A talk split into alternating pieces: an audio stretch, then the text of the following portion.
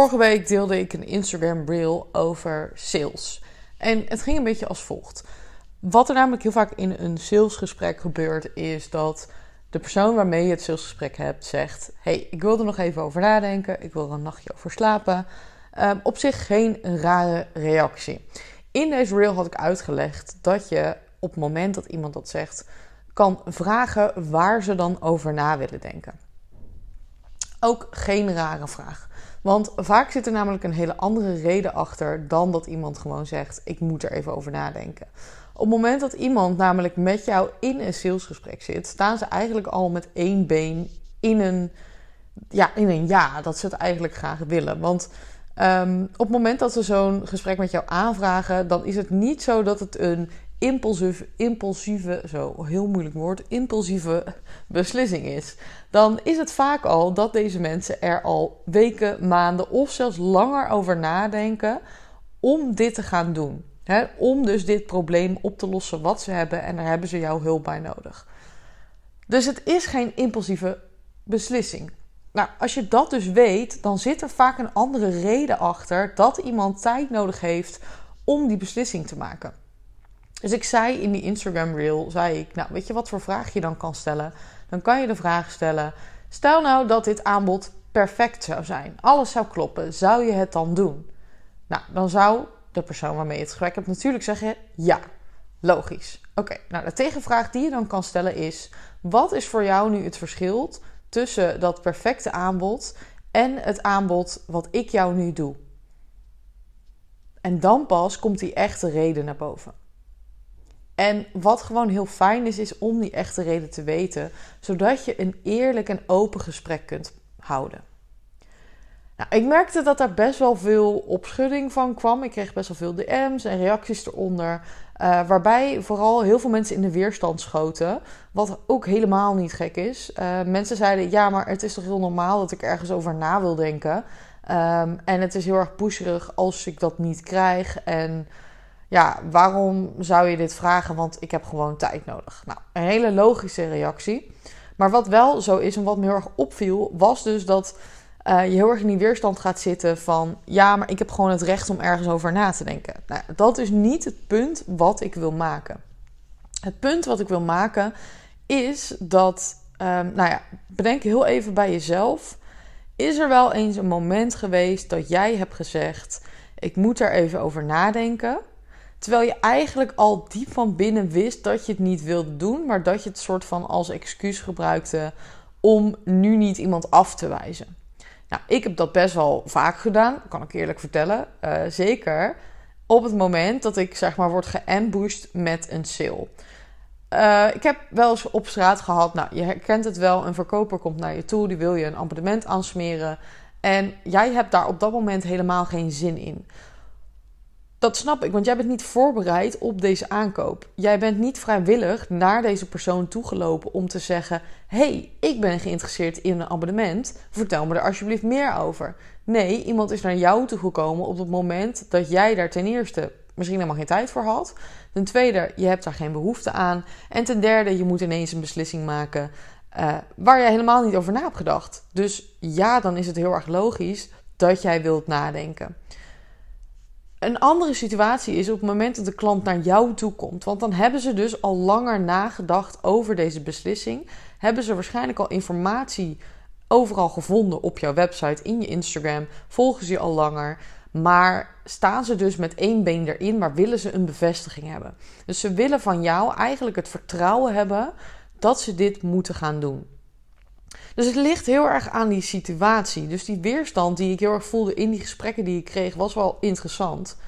En ik ging dat gesprek ook aan. Want het is namelijk niet zo dat op het moment dat iemand tegen mij zegt: hey, ik wil er even over nadenken, dat ik dan zeg: nee, je moet nu beslissen. Tuurlijk niet. Dat zou ik helemaal niet zeggen. Wat ik wil weten is: hey, waar wil je dan nog over nadenken? Wat is voor jou op dit moment nog niet duidelijk? Welke informatie heb jij nog nodig van mij om die beslissing wel te kunnen maken? En zodra je die reden weet, heb je gewoon een veel beter gesprek. Want ja, wie hou je ook voor de gek als jij gaat zeggen: Nou, ik wil er een nachtje over slapen. Terwijl de reden misschien is dat je het veel geld vindt. Waarom kan je dat dan niet eerlijk zeggen? Waarom is het dan in sales dat je ja, het niet durft te zeggen? Dat is gewoon door die afwijzing. Dus voor jou als ondernemer die iets wil verkopen, wees ook onthecht. En wat betekent dat? Wees ook niet gepikeerd als je wordt afgewezen. En ga het gesprek in dat het voor jou niks uitmaakt of die persoon ja of nee zegt. Want alleen dan kan je eerlijk dat gesprek ingaan. En kan je deze vragen ook stellen. En op het moment dat jij die vragen stelt, dan dwing je ook veel meer respect af. En is het ook dat iemand jou juist meer gaat vertrouwen. Want als die persoon met jou gaat werken, dan verwachten ze ook dat je eerlijk bent. Dus als jij dat in een salesgesprek niet bent en jouw potentiële klant laat het achter van zijn tong niet zien, dan heb je dat vertrouwen ook al niet. Dus als iemand zegt van, hey, weet je, ik wil erover nadenken, is het gewoon een hele normale vraag dat je vraagt, waar wil je over nadenken of waar twijfel je nog over? Uh, welke informatie heb je nog nodig? Want daar kan je wat mee. Dan kan je bijvoorbeeld een review laten zien van een vorige klant die je hebt geholpen. Om dat vertrouwen te krijgen. Maar als je dat niet weet, dan kan je dat ook niet doen. En dan is het ook een hele makkelijke uitweg voor jouw potentiële klant om te zeggen: Ik denk er even over na en dan geen beslissing te maken. Wat er vaak ook gebeurt, is op het moment dat iemand zegt: hey, ik wil erover nadenken, dan willen ze die beslissing uitstellen, omdat ze misschien ook wel weten op het moment dat ze ja zeggen, dan komt er ergens een pijn, want ze moeten iets gaan doen. Ze moeten echt actie gaan ondernemen en dat kan ook eng zijn voor mensen. Dus begrijp ook dat het voor je doelgroep spannend is om ja, die bevestiging te geven, want ze moeten geld uit gaan geven, ze moeten waarschijnlijk zelf iets gaan doen, ze moeten actie gaan ondernemen, er gaat verandering komen, dat is allemaal spannend. En ja, dat mag je ook gewoon benoemen. Dat je zegt, hé, hey, ja, weet je, het is veel geld. Of ja, dit is een verandering. Maar geef ook aan dat als ze niks doen, dat er helemaal niks gaat veranderen. En ze hebben juist dit gesprek aangevraagd omdat ze van het probleem af willen. Dus ook bijvoorbeeld een ander voorbeeld is uh, dat mensen vaak zeggen: Nou, weet je, ik wil het even bespreken met mijn partner. Iets wat ik ook vaker heb gehoord. En het interessante is, op het moment dat jij tegen die persoon zou zeggen: Oké, maar stel nou dat jouw partner nee zegt. Zou je het dan toch doen? Of zou je het dan niet doen? Vaak komt dan het antwoord: Ja, dan doe ik het toch. Dus dan heb je al het antwoord. En dat is gewoon een, een hele eerlijke vraag. En ik denk dat je dat zeker ook gewoon mag stellen. Um, en wat je nog meer kan doen om meer vertrouwen te krijgen daarin, is ook zeggen van, nou dit is bijvoorbeeld wat ik niet doe. Wat we vaak doen is natuurlijk heel erg aanprijzen wat we doen en alles wat goed is aan ons aanbod. Maar ja, als je alleen maar vijf sterren reviews hebt, dan komt dat niet geloofwaardig over. Dus je mag ook echt wel zeggen wat je niet doet en wat jouw aanbod niet voor elkaar krijgt. Gevolgd door wat het wel doet. Want wat het wel doet is natuurlijk veel belangrijker, maar je mag ook gewoon zeggen wat het niet doet. Dus ik vond het heel interessant om dit ehm, te zien bij mensen. Dat er nog steeds een soort van weerstand zit op verkopen. En dat het nog steeds pusherig overkomt. Terwijl dat ligt helemaal aan hoe jij het doet als ondernemer. En dat ligt heel erg aan jouw zelfvertrouwen. En heel erg aan het onthecht zijn van het eindresultaat. En nog steeds ook meegaand zijn met je klant. Met je potentiële klant. Want ik zeg niet dat je dan moet zeggen: nee, je mag er niet over nadenken. Dat helemaal niet. En dat zeg ik ook nooit. En ik zeg ook aan het einde altijd: hey, weet je, als je vragen hebt, laat het me weten. Uh, zullen we afspreken dat we over twee dagen elkaar bespreken? Als iemand echt even tijd nodig heeft nadat ik deze vragen heb gesteld. En als de reden ook op tafel is gekomen. Want het kan zo zijn dat iemand zegt: Nou ja, weet je, ik vind het gewoon veel geld en ik moet echt even financieel gaan kijken of dit voor mij mogelijk is prima, weet je, neem de tijd. Dat is niet het ding dat ik dan zeg, nou dan moet je nu beslissen.